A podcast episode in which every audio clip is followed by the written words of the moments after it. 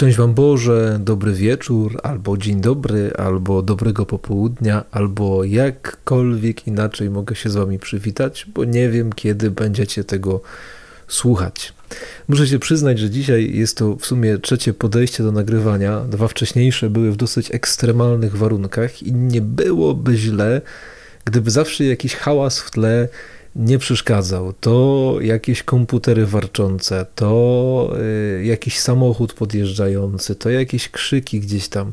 No masakra po prostu. Dlatego chyba najlepszą porą na nagrywanie jest y, wieczór późny albo wczesna noc, zależy jak dla kogo.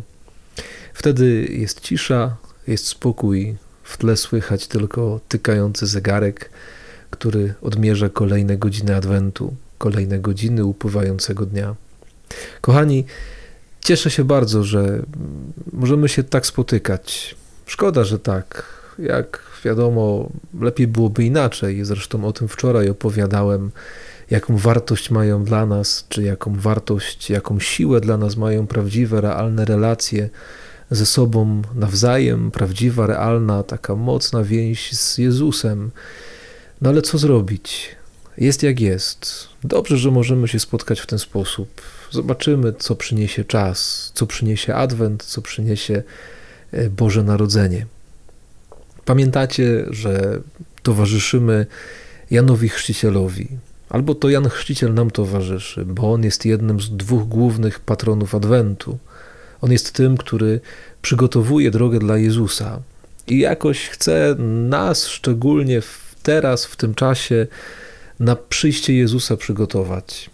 Dlatego zapraszam Was w ten kolejny, już czwarty, czwartkowy wieczór naszych adwentowych spotkań, abyśmy pozwolili się Janowi dalej poprowadzić, abyśmy chcieli się e, w postać Jana wsłuchać, bo ona nas może mimo tych dwóch tysięcy lat bardzo wiele nauczyć. Możemy znaleźć jej, co myślę, że zobaczyliście już przez ostatnie trzy dni, e, także wiele odpowiedzi na nasze dzisiejsze pytania i problemy, na nasze dzisiejsze wątpliwości, na wiele z naszych dzisiejszych e, zmagań. Kochani, Jan e, w całej swojej posłudze, w całej swoim głoszeniu bardzo głęboko, bardzo intensywnie, bardzo mocno wchodzi w misję Jezusa. On nie tylko jest tym, który przygotowuje, ale jest także tym, e, który przekazuje, poświęca wszystko Jezusowi. On wiedział, że w momencie, kiedy przy chrzcie Jezusa w Jordanie objawiła się jego prawdziwa Jezusa tożsamość, że dla niego to jest koniec. Jego misja się w tym momencie wypełniła. I on jest na to wypełnienie misji całkowicie otwarty. On e, przekazuje Jezusowi absolutnie wszystko. Przekazuje uczniów, e, przekazuje mu swoje nauczanie, przekazuje mu swoją popularność, swoje słowa, e, powierza mu wszystkie własne plany. Cały składa się w jego ręce. Znajdziemy w Ewangelii Jana taki no, cudowny fragment, bardzo mocny. To jest trzeci rozdział, werset 30 bodajże, jak mnie pamięć nie myli, gdzie Jan mówi: Potrzeba abym ja się umniejszał, a on wzrastał. I prawdopodobnie ta cała ich wspólna historia, ich przyjaźni, ich relacji, ich więzi, która przez te 30 lat była budowana, no może przesadziłem, nie? Oni mieli 30 lat, e, może tam było 25, nie? E, przez te wszystkie lata budowana, ona teraz osiąga apogeum. Zobaczmy, że y, Jan ma wobec Jezusa absolutne zaufanie. Jan ma wobec Jezusa absolutne zawierzenie. On przekazuje mu naprawdę wszystkich. Y, I to wobec Jezusa, wobec y, tej ich więzi niesamowitej, jest bardzo wielka pokora, bardzo wielki też dystans. Zobaczmy, że pytają się Jana, czy on jest Mesjaszem, a on mówi, że to on nie jest Mesjaszem, Mesjasz przyjdzie po nim i to Mesjasz będzie taki gość, któremu on w stanie nie będzie butów wiązać. A wyczytałem taki drobny szczegół, że niewolnicy nosili buty swojego pana.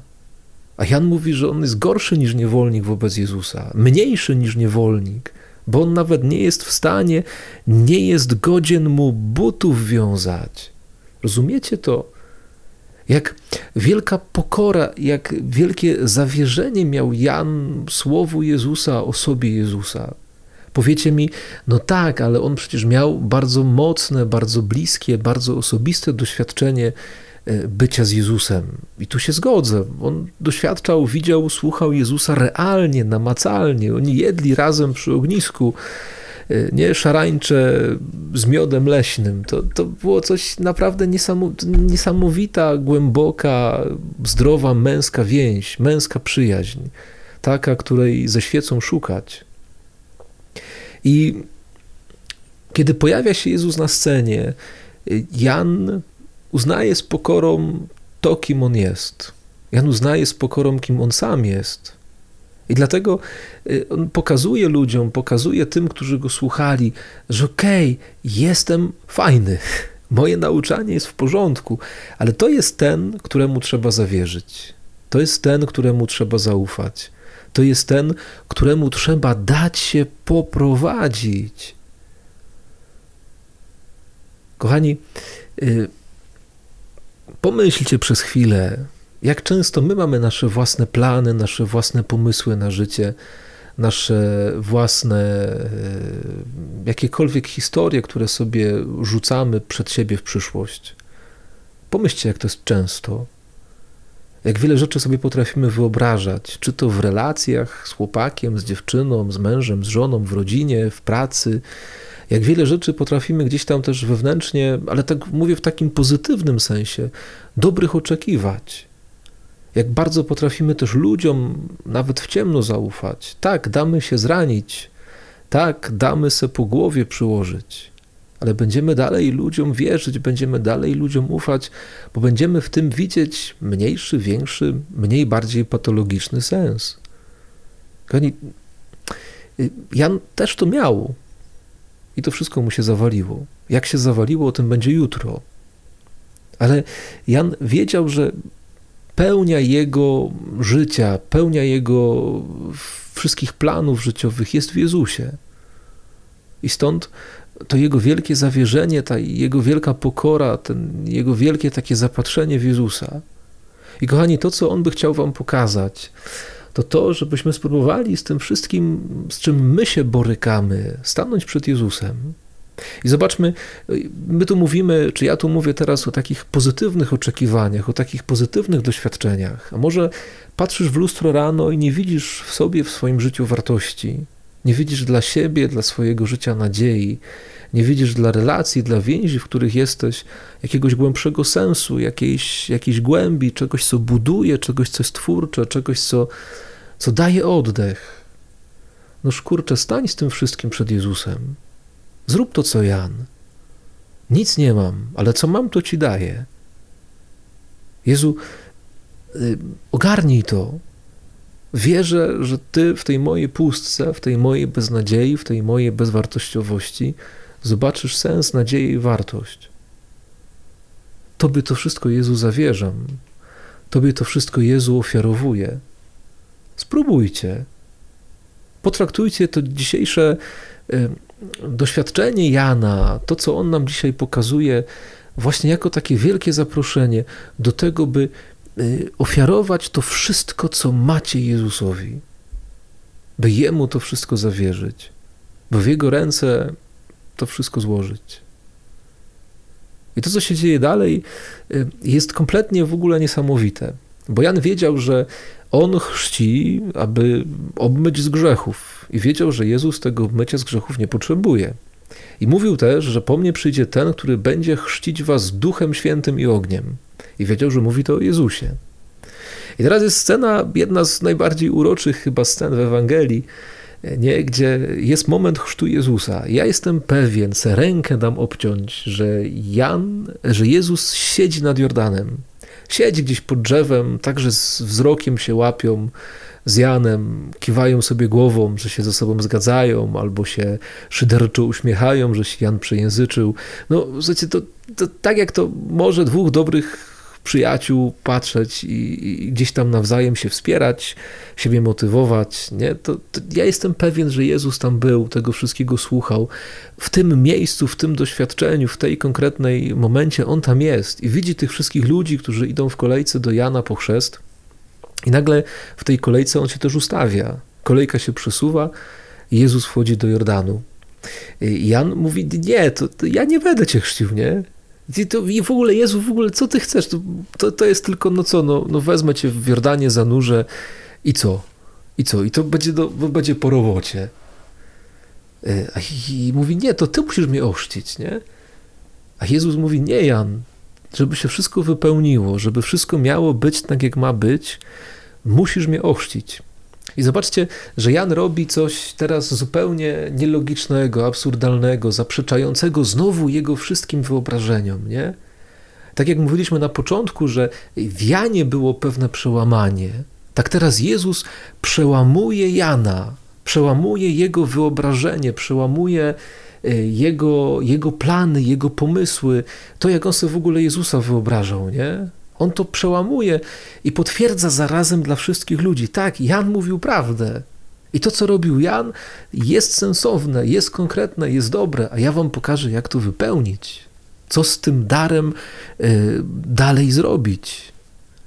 Nie? I Jan mówi: OK, dobra, to ja cię ochrzczę. I w momencie, kiedy y, Jezus jest zanurzony w Jordanie, to y, w tym momencie rozdziera się niebo sfruwa z nieba gołębica i słychać głos: To jest mój syn umiłowany, w którym mam upodobanie, jego słuchajcie. W tym momencie Bóg się objawia, w tym momencie e, Bóg pokazuje, że Jezus jest obiecanym Mesjaszem, że Jezus jest obiecanym Zbawicielem, że Jezus jest tym, za którym mamy iść. I znowu, co to dla nas znaczy? Przypuszczam, że każdy z Was, który mnie słucha z tego wąskiego grona, jest ochrzczony. Przypuszczam, że każdy z Was e, ma imię nadane na chrzcie. I za każdym razem, kiedy my byliśmy chrzczeni, kiedy spotykamy się na czyimś chrzcie, nad każdym z nas Bóg rozdarł niebo i powiedział: Ty jesteś mój syn, Ty jesteś moja córka umiłowana, w której mam upodobanie. Rozumiecie? Bóg ma w tobie upodobanie. Bóg cię do szaleństwa kocha. Bóg patrzy na ciebie i mówi: Ty jesteś moim umiłowanym, najukochańszym dzieckiem. To jest coś niesamowitego. Jesteśmy dziećmi Bożymi, jesteśmy córkami i synami króla. I to nam też dzisiaj pokazuje Jan Chrzciciel, chrzcząc Jezusa i pokazując nam naszą głęboką, prawdziwą tożsamość. I w tym, w tym momencie też Jezus pokazuje: chcesz odkryć bycie dzieckiem Bożym, chcesz poczuć, jak to jest być synem i córką króla, to chodźcie za mną. Jan Chrzciciel wtopił swoje życie w Jezusa.